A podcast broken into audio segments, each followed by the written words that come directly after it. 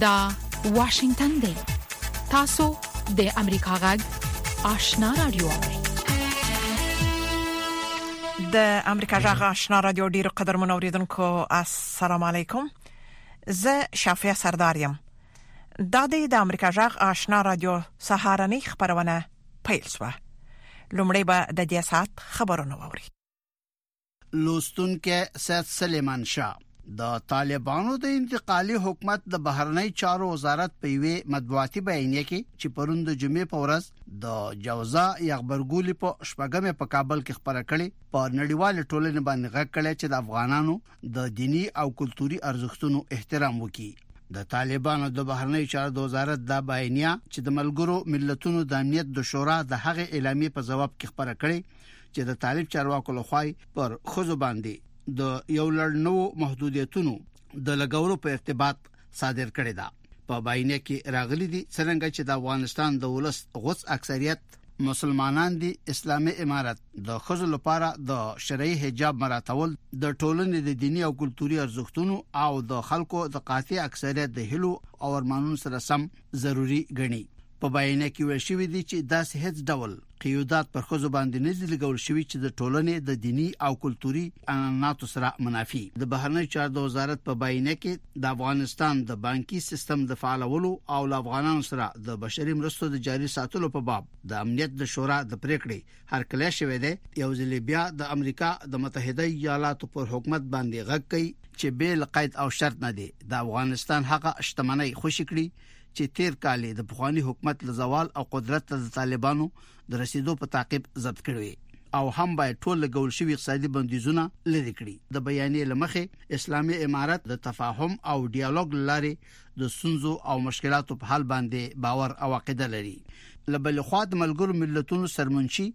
انټونیو ګوترش په کابل او مزار شریف کې د دوو مرګانیو حملو غندنه کړې ده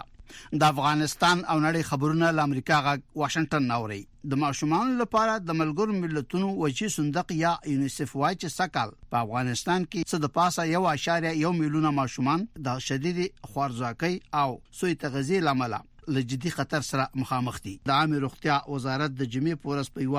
باینیک ویل چې د روان میلادي کال د جنوري راهیسې 380 ماشومان د سوی تغذی او خارځواکۍ لامل مړ شوی دي د دغه وزارت د مطبوعاتي ویاند جاوید حجر په وینا د تیرو 15 میاشتو په دوران کې څلور لکه او شپږ پنځو زره ماشومان روغتونونو ته راوړل شي چې اکثره د سختې سوی تغذی لامل ناروغ شوي د مهاجرت نړیوال سازمان یا آی او ایم وایي چې د 2020 میلادي کال له نماینه تر دې دمه څه د پاسه یو میلیون افغانان له ایران او پاکستان او یو شمېر نور هیوادونو نه بیرته خپل هیواد ته راستانه شوي دي د بشري حقوقو د څار نړیوال سازمان یا هیومن رائټس واچ په خپل یو تازه ریپورت کې ویلي دي چې د بلغاري پولیس افغان پناهغښتونکو او ځینې نور خارجيان چې د ترکیې په لار هغه اروپאי هیواد ته اوړي د پولیسو په روزل شو سپوی باندې داړي لوڅي پیسې اخلي او وهي او ټکي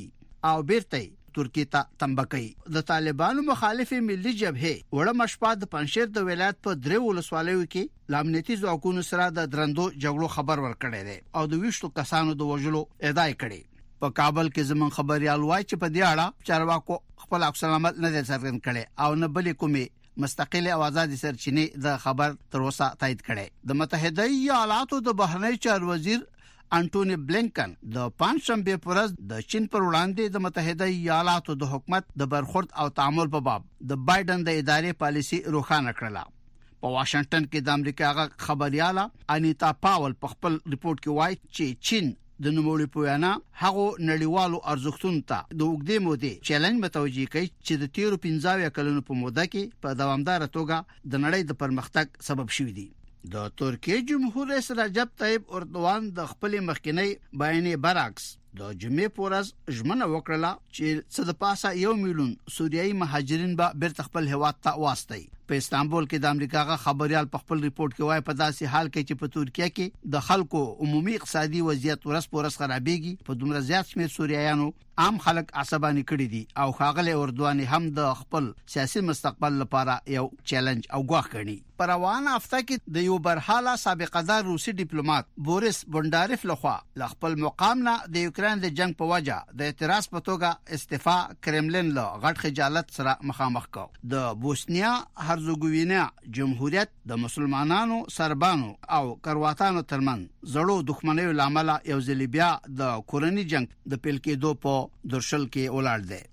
او په روان میلادي کال کې په امریکا کې د معمول برخلاف د څو فوق العاده پیاوړو سمندري طوفانونو د راتګ اټکل شوی. د سي ان ان تلویزیوني شبکې د رپوټ له مخې په داسې حال کې چې د سمندري طوفانونو موسم ته صرف یوه هفته پاتې ده، د امریکا د سمندري او فضايي څیړنو د ملي ادارې د اقلیم د بدلون د څانګې د یوه تازه رپوټ په اساس توقع ده چې د معمول بر خلاف څوارلس او یا یوویشت سمندري طوفانونه راشي چې د دې جملې نه بیا شپږ یا لس طوفانونه د قوت د درجو او د تباهۍ په اعتبار خطرناکي د دوه زره یوویشتم او دوه زره شلم میلادي کلونو په دوران کې هم د پخوانیو کلونو برعکس دومره زیات سمندري طوفانونه راغلل چې ساینسپوهان یې د نومولو لپاره د یوناني ژبې د الفبا د تورو په حساب عاجز شول. د کولراډو د ایالت پوهنتون هم په خپل یوه تازه رپوټ کې اټکل کړی چې سږکال به نهه اویا څلور خطرناک سمندري طوفانونه په متحده ایالاتو کې راشي. د ځمکې د ټولې سطحې او یا اشاریه اته فیصده سمندرونه تشکیلوي او د ځمکې د سطحې په سلو کې ونه فیصده اوبو هم په سمندرونو کې دي د خبرونو پای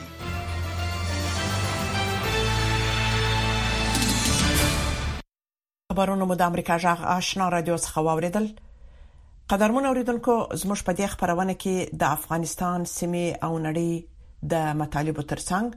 لومړی دا رپورت لرو چې په افغانستان کې په تیرو نږدې 15 میاشتو کې 315 ماشومان د خوارځواکۍ په ناروغي مړ شوي دي د ملګرو ملتونو د ماشومانو د ملاتړ ادارې یونیسف په روان کال کې په دغه هیواد کې د 1.1 میلیون نورو ماشومانو په خوارځواکۍ د اخته کېدو اټکل کړی دی. د بلې خوا په تیرو پنځو میاشتو کې 290 افغان ماشومان د شیرې په ناروغۍ مړه شوي دي. په دې باره کې له کابل څخه اکرام شینواري رپورټ رااستولی. د طالبانو د اسلامي امارت د امر روغتیا وزارت وایي چې د روان 2022 میلادي کال د پیل څخه تر اوسه افغانستان کې په زرګونو ماشومان د خوارځواکۍ په ناروغي اخته شوي چې لامل یې 380 تنه په دغه ناروغي مړ شوي دي د امر روغتیا وزارت وایي جاوید حجیر خبري اعلان ته په وسولي پیغام کې ویلي چې د روان میلادي کال په لومړی 15 میاشتو کې څلور سوه او شپږ پنځوس زره ماشومان د خوارځواکۍ د ناروغۍ د درملنې لپاره د دغه وزارت روغتیايي مرکزونو ته په کابل او ولایتونو کې ور وړل شوي دي. هغه وویل چې په دغه شمېر کې درې سوه او دوه شپېته زره یې په متوسطې خوارځواکۍ اخته وو او پاتې یو سلو دیارلس زره نور په سختې خوارځواکۍ اخته ماشومان وو. دا حدود نود و یک هزار هم مادرای شیرده ښاغلي حجیر وویل، یو نوي زره هغه میندې چې خپلو ماشومانو ته یې شیدې ورکولې هم دغو روغتیايي مرکزونو ته ورغلې وې. متاسفانه د کال د پیل څخه تر اوسه د خوارځواکۍ په ناروغۍ درې سوه شپېته مړینې هم لرو. د طالبانو د اسلامي امارت د عامې روغتیا وزارت وایي چې په روان کال کې د شپږ پنځوس زرو څخه زیات په خوارځواکۍ اخته ماشومان په روغتونونو کې بستر شوي چې ورسره د هغو ماشومانو شمېر چې په تېرو نهه میاشتو کې په روغتیايي مرکزونو کې درملنه شوې پنځه سوه شپږ شپېته زرو ته رسېدلی دی. د عامې روغتیا وزارت ویاند وایي چې اوسمهال نهه زره او سل په خوارځواکۍ اخته ماشومان په روغتیايي مرکزونو کې تر درملنې لاندې دي. د عامې روغتیا وزارت د معلوماتو له مخې افغانستان کې دوه زره او څلور سوه او شل روغتیايي مرکزونه په مرکز او ولایتونو کې په خوارځواکۍ اخته ماشومانو ته روغتیايي خدمتونه وړاندې کوي. د ملګرو ملتونو د ماشومانو ملاتړ ادارې یونیسف سږ کال افغانستان کې د یو اعشاریه یو میلیون ماشومانو پر سختې خوارځواکۍ د اخته کېدو اټکل کړی. د یونیسف د ادارې د شمېرنو له مخې دا شمېر د دوه زره اتلسم میلادي کال پرتله په خوارځواکۍ د اخته ماشومانو د شمېر دوه چنده دی. د دغې ادارې د افغانستان د دفتر رئیس محمد اک ایوا ویلي چې په روغتونونو کې په سختې خوارځواکۍ د اخته ماشومانو شمېر په پرلپسې ډول مخ په زیاتېدو دی. د بلې خوا د عامې روغتیا وزارت وایي چې په تېرو شاوخوا پنځه میاشتو کې په افغانستان کې څلور څلوېښت زره او دوه سوه ماشومان د شلي په ناروغۍ اخته شوي دي، خو جاوید اژیر وایي چې د ماشومانو دا ناروغي اوس کنټرول شوې ده. از شروع سال دوه هزار و بیست و یک تا فعلا، ښاغلي هژیر وویل، د دوه زره دویشت میلادي کال د پیل څخه راهیسې تر اوسه څلور څلوېښت زره او دوه سوه ماشومان څلور دېرش ولایتونو کې د شلي په ناروغۍ اخته شوي، د مارچ تر میاشتې د شلي په ناروغي د اخته شوو ماشومانو شمېر هم هره میاشت مخ په زیاتېدو. له دې کبلغه د مارچ د میاشتې وروسته دا ناروغي تر کنټرول لاندې راغلې ده. کنټرول آمدن. د عامې روغتیا وزارت د معلوماتو پر اساس د روان کال د جنورۍ په لومړۍ میاشت کې په دغه ناروغۍ پنځه زره او څلور سوه ماشومان اخته شوي وو چې پنځه څلوېښت ماشومان په دغې ناروغۍ مړه شوي وو. د فبرورۍ په میاشت کې د شي په ناروغۍ د اخته شوو ماشومانو شمېر اووه زره او اته سوو ته لوړ شوی و او پر دغې ناروغۍ د مړه شوو شمېر هم یو شپېتو ته رسېدلی و. د عامې روغتیا وزارت د معلوماتو پر اساس د مارچ په میاشت کې څوارلس زره او نهه سوه ماشومان په شیرې اخته شوي وو او نهه نوي تنه یې پر دغې ناروغۍ مړه شوي وو. د اپریل په میاشت کې دیارلس زره او درې سوه ماشومان د شیرې په ناروغۍ اخته شوي چې درې اویا تنه پر دغې ناروغۍ د اخته کېدو وروسته مړه شوي وو. د دغه وزارت د شمېرنو له مخې د روانې مې په میاشت کې تر اوسه د شیرې د ناروغۍ دوه زره څلور سوه درې اتیا پېښې ثبت شوي او د دولس ماشومانو د مړینې خبر ورکړل شوی. د عامې روغتیا وزارت وایي چې د مارچ په میاشت کې یې په نهه څلوېښت ولسوالیو کې یو اعشاریه یو میلیون ماشومانو ته د شري واکسین تطبیق کړی دی. د عامې روغتیا وزارت د معلوماتو پر اساس کندوز، بدخشان، کابل، هرات او هلمند کې د نورو ولایتونو پرتله د شري ناروغي لا هم ډېره لیدل کېږي. د افغانستان او نړۍ په اړه تازه خبرونه سیاسي تحولات او وړاندې څرګندې د پیښو کره کتنه او شاوره څرګندنه د امریکا غږ آشنا ټلویزیون د تازه خبرونو او جامع راپورونو موثقه منبع رپوټونه د امریکا ږغ آشنا رادیو څخه اوري. د افغانستان د وضعیت په اړه د ملګرو ملتونو ځانګړی رپوټ ورکوونکی ریچارد بنیت په افغانستان کې د بشري او اقتصادي ناورین او په ټولنه کې د میرمنو د حضور له منځه وړلو او د تلویزیونونو په ښځینه خبریالانو د خپرونو پر مهال د مخ پټولو په اړه جدي اندیښنه ښودلې ده. ښاغلی بنت چې افغانستان ته د رپورټ چمتو کولو لپاره تللی و، د خپل سفر په پای کې ویلي، طالبان په دې نه دي توانیدلي چې د سرغړونو مخه ونیسي، حال دا چې په یو شمیر سرغړونو کې دوی لاس هم لري. نور تفصیل په رپورټ کې واورئ. د افغانستان د وضعیت په اړه د ملګرو ملتونو ځنګړی راپور ورکونکي ریچارډ بنټ افغانستان ته د خپل سفر په پای کې د بشري حقوقو په ټولنه کې د میرمنو د حضور لمنځوړلو او سرغړونو په اړه جدي اندېښنه خوده ده افغانستان د بشري حقوقو له جدي ننګونو سره مخ دی او په وګړو یې ژور اغېز کړی دی زه په چارواکو غږ کوم د بشري حقوقو په برخه کې هغو ننګونو ته رسیدګي وکړي چې خلک ورسره مخ دي او د خبرو او عمل تر منځ واټن دې له منځه یوسي. ښاغلی بنټ وايي، د نجونو د ښوونځیو تړل، په سیاست کې مېرمنو ته کمه ونډه ورکول، د ازادۍ محدودول، د بیان پر ازادۍ محدودیت، له محرم پرته مېرمنو ته د تګ راتګ اجازه نه ورکول، اجباري حجاب او د جندر تر منځ توپیر هغه څه دي چې په ټولنه کې د مېرمنو حضور له منځه وړي. د محرم په اړه لارښود، اجباري حجاب او په مطلقه توګه په کور کېنولو توصیه کول جنسیتي تفکیک دی چې هدف یې په ټولنه کې د ښځو د حضور له منځه وړل دي. ښاغلی بنت په افغانستان کې د امنیتي وضعیت وروستیو چاودنو او په پنجشیر او یو شمېر نورو ولایتونو کې د طالبانو او د مقاومت جبهې د جنګیالیو ترمنځ په نښتو او د ملکي وګړو د وژلو او ځورولو ادعاګانو په اړه اندېښنه وښوده. په مشخصه توګه هغه بریدونه چې هزاره، شیعه او د صوفیانو ټولنې پکې په نښه کېږي، په سیستماتیک ډول د زیاتېدو په حال کې دي او د یو پلان شوې پالیسۍ له مخې ترسره کېږي. په دې توګه دغه بریدونه د بشریت ضد جرایم ګڼل کېدای شي. ښاغلی بنت په داسې وخت کې د امنیتي وضعیت په اړه اندېښنه څرګندوي چې پرون په کابل او مزار شریف کې په چاودنو کې په لسګونه کسان وژل شوي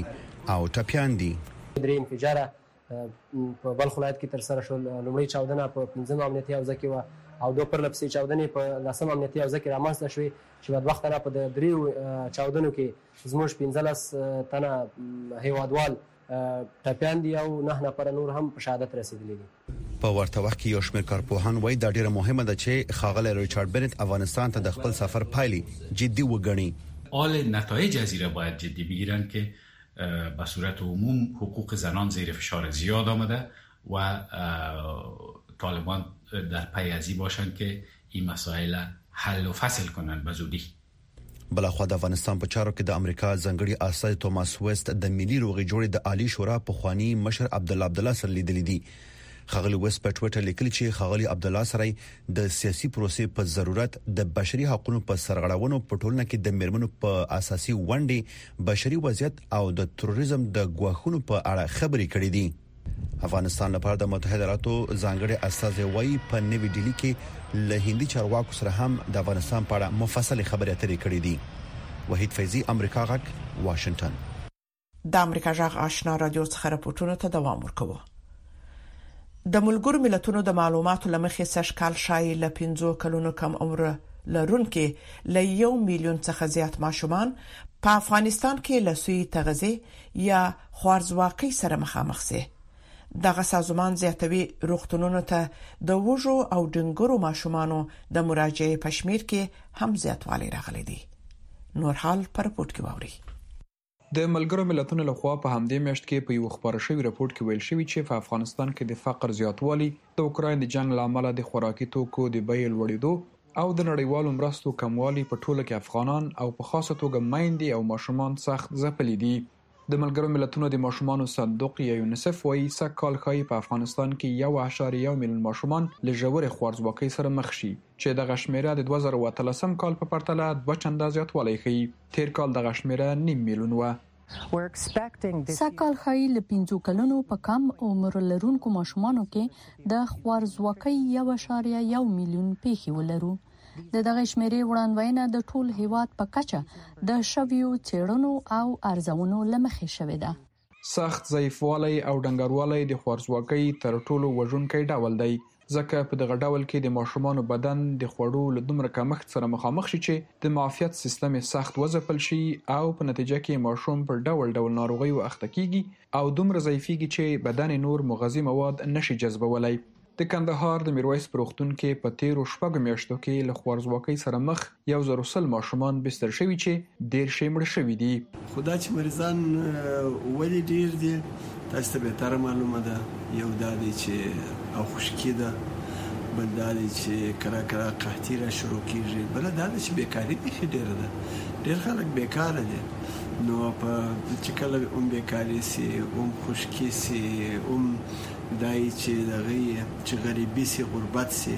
نو دا خپله د دې باعث کیږی چی د داسوی تغذی مریضان ته دا ډیر سی.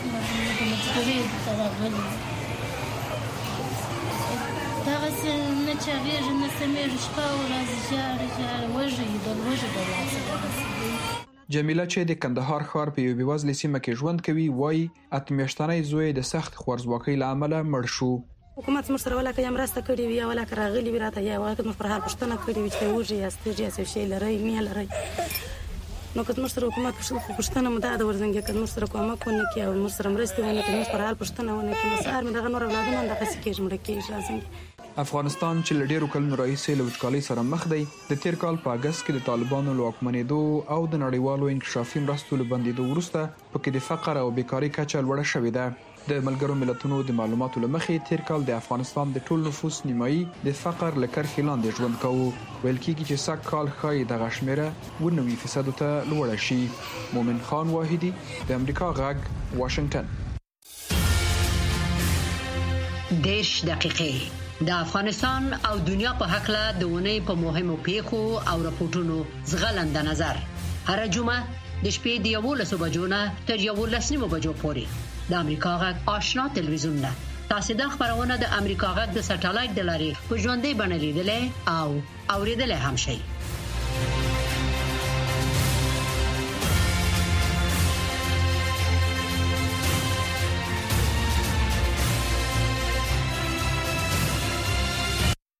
رپوټونو ته دوام ورکوو. د ماشومانو وجهي صندوق یا یونیسف وايي په پام کې لري چې د روان کال تر پایه هغه ماشومان چې له زده کړو بې برخې دي ورته پنځه زره ښوونځي ایجاد کړي. په افغانستان کې د یونیسف د ښوونې او روزنې د برخې مشرې د امریکا غږ سره په مرکه کې ویلي، طالبانو ورته ډاډ ورکړی چې له شپږم ټولګي پورته د نجونو ښوونځي به پرانیزي، خو تر اوسه یې په کړنو کې بدلون نه دی راغلی. په افغانستان کې د ښوونې او روزنې په اړه تازه معلومات څه دي؟ لکه څنګه چې تاسو هم پوهیږئ د نجونو ثانوي دورې ښوونځي چې د تیر سپتمبر د میاشتې راهیسې تړل شوي دي لا هم بند دي موږ لا هم خبرتیا ته په تمه یو چې نجونې وکولی شي بیرته ښوونځیو ته ولاړې شي لومړني ښوونځي پرانیستي دي نجونې او هلکان ورځي د ثانوي دورې هلکان هم ښوونځیو ته ځي او پانتونونه هم د نجونو او هلکانو پر مخ پرانیستي دي تاسو له طالبانو سره خبرې کړې دي ستاسو سپارښتنې څه وي او د نجونو د ثانوي دورې د ښوونځیو د بیرته پرانیستلو په اړه یې څه ویل له کله نه چې هغوی واک ته رسیدلي دي، موږ د پوهنې وزارت سره خبرې کوو او د نجونو او ټولو ماشومانو د ښوونې او روزنې د ارزښت په اړه مو ورسره خبرې کړې دي. دوی تل موږ ته ډاډ راکړی چې د نجونو د تعلیم مخالف نه دي. وايي، د خلکو او د هېواد د پرمختګ لپاره د نجونو تعلیم ډېر ارزښت لري، خو دوی تل وايي چې باید سم شرایط رامنځته کړي چې نجونې وکولی شي په خوندي توګه ښوونځیو ته ولاړې شي. سم شرایط به څه وي؟ د پخوا په پرتله د نجونو لپاره څه شی بدل شوي دي؟ د نجونو د ثانوي دورې د زده کړو په اړه یوه موضوع چې طالبانو راپورته کړې ده، هغه د ښوونځیو بیلول دي چې ښځینه ښوونکي به نجونو ته درس ورکوي او نارینه ښوونکي به هلکانو ته درس ورکوي. همداشان د لباس یادونه یې هم کړې ده، خو ګوري چې دوی په دې هکله مخکې هم ویلي وو. په هغو کې کوم بدلون نه دی راغلی، خو فکر کوم اساسي دلیل د دوی ترمنځ داخلي بحثونه دي چې لا کافي شرایطو ته مساعد شوي نه دي چې نجونو ته اجازه ورکړل شي چې بیرته ښوونځیو ته ولاړې شي. ښوونځیو ته د نجونو د نه تګ په اړه تاسو اندېښمن یاست او څومره شمېر نجونې ښوونځیو ته نه ځي؟ هر څومره چې ماشومان له ښوونځي څخه بهر پاتې شي، هماغومره د دې امکان شته چې هغوی بیرته ښوونځیو ته رانه شي. موږ ولیدل چې نه یوازې په افغانستان کې، بلکې په نړۍ کې د زیاتو میاشتو لپاره ښوونځي د کوويد نولس له کبله په دوه زره او شلم کال کې تړل شوي وو. واک ته د طالبانو له رسېدو وروسته څو میاشتې وشوې چې نجونې له تعلیم څخه شاته پاتې دي. دا لویه اندېښنه ده. هر څومره چې ښوونځي تړلي پاتې شي، هغومره امکان شته چې نجونې بېرته ښوونځیو ته رانه شي. د هلکانو په پرتله هغوی لږ تر لږه یو تعلیمي کال له لاسه ورکړ. یونیسف وايي چې په افغانستان کې د ښوونځیو څخه ملاتړ کوي، په هکله یې تازه معلومات څه دي؟ یونیسف د ټولنې د اړتیاو پر اساس له درسي ټولګیو څخه ملاتړ کوي. دا د هغو ماشومانو لپاره یو فرصت دی چې مخکې ښوونځیو ته تللي نه دي. هلته یا هیڅ ښوونځي نه وو یا په یو ډول تړل شوي وو. نو د ټولنې د غوښتنو پر اساس دا ډول ښوونځي له تیرو څو کلونو راهیسې ډیر زیات وو. په اوس وخت کې یونیسف له دا ډول لس زره ښوونځیو څخه ملاتړ کوي چې په کې له شپږ څخه تر نهو کلونو پورې ماشومان زده کړې کوي. په دې کې هغه د ابتدايي زده کړو ماشومان هم شامل دي چې ښوونځي یې ډېر لرې وو. همداشان له لسو کلونو څخه د پورته ماشومانو لپاره هم د زده کړو زمینه برابره شوې ده. موږ هیله لرو چې د روان کال تر پایه نور دا ډول پنځه زره ټولګي هم پرانیزو او له سره به یونیسف په ټول هېواد کې پنځلس زره ټولګیو څخه ملاتړ وکړي. یونسف په افغانستان کې له ښوونکو سره څه ډول مرسته کوي؟ یونسف په جنورۍ او فبرورۍ میاشت کې د بیړني ملاتړ یا د هڅونې مرسته برابره کړې وه. اوس دا مرسته پای ته رسیدلې ده. موږ اوس دا پیسې نه لرو چې د ښوونکو د هڅونې لپاره یې ورکړو. څومره ښوونکو د یونسف له خوا مرسته ترلاسه کړې ده؟ په بیړنۍ مرسته کې چې د جنوري او فبروري میاشتې شاملې وې، موږ درې نوي زده کوونکو ته پیسې ورکړې دي چې ۱۵ فیصد یې ښځینه ښوونکې وې. ایا د ښوونکو د معاش په اړه ویلی شئ، یونیسف معاش ورکوي؟ دا معاش نه دی، موږ معاش نه ورکوو، دا د حاکمو چارواکو مسوولیت دی، هغوی د اګست نه تر دسمبر میاشتې پورې معاش ورکړی دی، طالبان ژمن دي چې معاش ورکړي. درنو اورېدونکو! په جنوبي ولایتونو کې د پولیو پر ضد د مبارزې مسؤل وايي چې تر یو کال کښته عمر لرونکي ماشومان ته ځینې کورنۍ لا هم واکسین نه عملي کوي. د پولیو پر ضد هر کمپاین کې له نوو زېږېدلو ماشومانو څخه نیولې بیا تر پنځو کالو پورې ټول ماشومانو ته واکسین عملي کېږي. روغتیايي مسؤلین وايي چې که کورنۍ د دې ستونزې حل ته پام ونه کړي، ممکن د ګوزڼ پر ضد د هغوی روغتیا کمزورې پاتې شي. نور حال د صدیق الله صدیقي په رپورټ کې واورئ. په کندهار کې د پولیو پر ضد درې ورځنی کمپاین تازه پای ته رسېدلی، خو په دې کمپاین کې له یو کال څخه ټیټ عمر لرونکو ماشومانو پاتې کېدل روغتیايي مسؤلین یوه لویه ستونزه ګڼي. په کندهار کې ټول پنځه لاکه اووه شپېته زره ماشومان د ګوزړ ضد واکسین لپاره هدف ټاکل شوی دی. د کندهار د روغتیا ریاست مسول بسم الله باوري وایي چې دوی له کورنیو څخه غوښتي چې خپل ماشومان د ګوزړ پر ضد هر کمپاین کې واکسین کړي. پر ټوله د کندهار ولایت پر ټوله ولس باندې مو دا غږ دی چې در پنځو کالو کم ماشومان او د فولیو دوه څاڅکي واکسین ورکړي. اوس په الحال الحمدلله په ټول افغانستان کې یو کیس لرو نو که چیری دا ښه په ترتیب او طریقه باندی وسی او هر سړی هر کور والا خپل کوچنی د پنځو کالو کم ماشوم دوه څاڅکی د پولیو کمپین ورکول سی ان شاء الله ان شاء الله دا امید لرو چی نور به دا مرض ختم سی. خو په کندهار کې د پولیو په دې کمپاین کې لویه ستونزه له یو کلنۍ څخه د ټیټ عمر ماشومانو غیرحاضري بلل کیږي چې روغتي مسولین یې اندیښمن کړي. د پولیو پر ضد د مبارزې د کمپاین مسولین وایي چې له یوې ورځې څخه بیا تر پنځو کالو پورې ټول ماشومان باید د ګوزاړ پر ضد واکسین ترلاسه کړي. په کندهار کې د پولیو د پروګرام واکسیناتور صفت الله همدرد یې په هکله داسې وایي. ما در کال کم کوچنیان یا در شپږو میاشتو کم کوچنیان دا ما هیڅ په یوه جلسه کې هم نه دي لیدلي. ټول هغه کوچنیان چې د باندې راوځي اکثره هغه لیدل کیږي. هغه زموږ د تارګیټ کوچنیان چې د هغو د بدن دفاعي سیستم کمزوری دی یاندې در کال کم کوچنیان دي هغه نه په برسرو کېږي او نه والدین راولي موږ په بار بار اعلانونه هم ورته کړي دي نو چې کور په کور سي دا پروسه ډېره به خوندورې او ان شاء الله دغه کوچنیان د درکال کم کوچنیان به بیا نه پاتېږي درنو اوریدونکو دا د امریکا غږ سرمقاله ده چې د امریکا د حکومت نظر څرګندوي امریکا او پاناما په لویدوځه نیمه کره کې د سیاسي پناه غوښتونکو په شمول د ګڼ شمېر جبهو په باره کې همکاري کوي. په حقیقت کې د دواړو هېوادونو د ژمنو په شمول د سیاسي پناه غوښتونکو او ژغورنې په باره کې دوه اړخیزې موافقې لاسلیک کړې دي چې د سیاسي پناه غوښتونکو په تنظیم او اداره کې اصلاح راولي او د ثبات راوستلو کوششونو ته پراختیا ورکړي او په سیمه کې د هغو کسانو لپاره د ژغورنې او قانوني لارو ته لاسرسی زیات کړي. د بهرنیو چارو وزیر انتوني بلینکن څرګنده کړه، امریکا د کوستاریکا سره لومړی بندوبست لاسلیک کړ او امریکا هیله لري په راتلونکو هفتو او میاشتو کې د نورو اعلان وکړي. د بهرنیو چارو وزیر بلینکن وویل، همدا علت دی چې موږ خپل همکاري ژوروو او همدا علت دی د بې وزلو خلکو سره په مرسته کولو کې زیات پرمختګ کوو، د ټولنو ملاتړ کوو او د خپل سرحدونو امنیت ژغورو زمونږ ګډ کار به د جون په میاشت کې د لویدیځې نیمې کورې په عالی غونډه کې دوام لري مونږ هیله کوو چې له ټول سیمې نه راغلي مشران به په دې قادر وي چې سمایزه سیاسي پناه غوښتونکو او په زور بیزه شو کسانو ته د شریک ځواب لپاره شریک اصول طرح کړي د بهرنیو چارو وزیر بلینکن وویل د پاناما او امریکا ترمنځ انډیوالي په لویدیزه نیمه کره کې یو د نږدې وو انډیوالي ونه ده زمونږ اقتصادي روابط قوي دي زمونږ ترمنځ په دوه اړخیزه تجارت کې څه باندې 14 میلیارډ ډالر ورکړه راکړه کیږي چې زموږ په دواړو هیوادونو کې د زرګونو کارونو ملاتړ کوي او د ټولو شیانو 2% د پاناما له کانال نه تیریږي یا امریکا ته ځي یا له امریکا نه راځي امریکا په پاناما کې بین المللي سازمانونو ته د ستر بشري مرسته ورکوونکو په حیث خدمت کوي او د دوی کار سیاسي پناه غوښتونکو او مهاجرو ته د پاناما خپله مرسته بشپړه کوي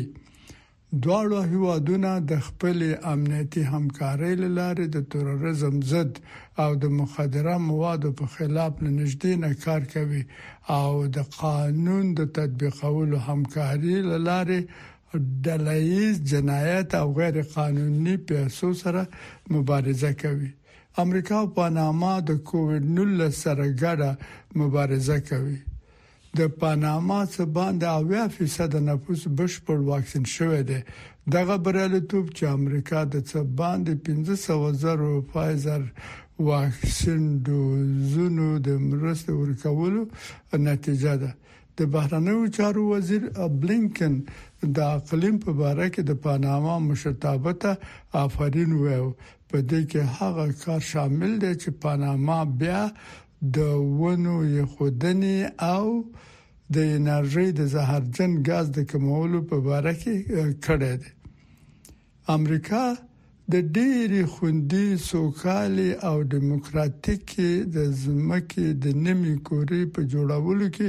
د پاناما مشرتابه ته هرکلی ویلی دی.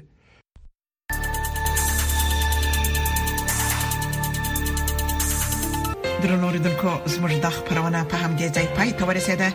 د امریکا جغ آشنا را دوه خبرونه دوام لري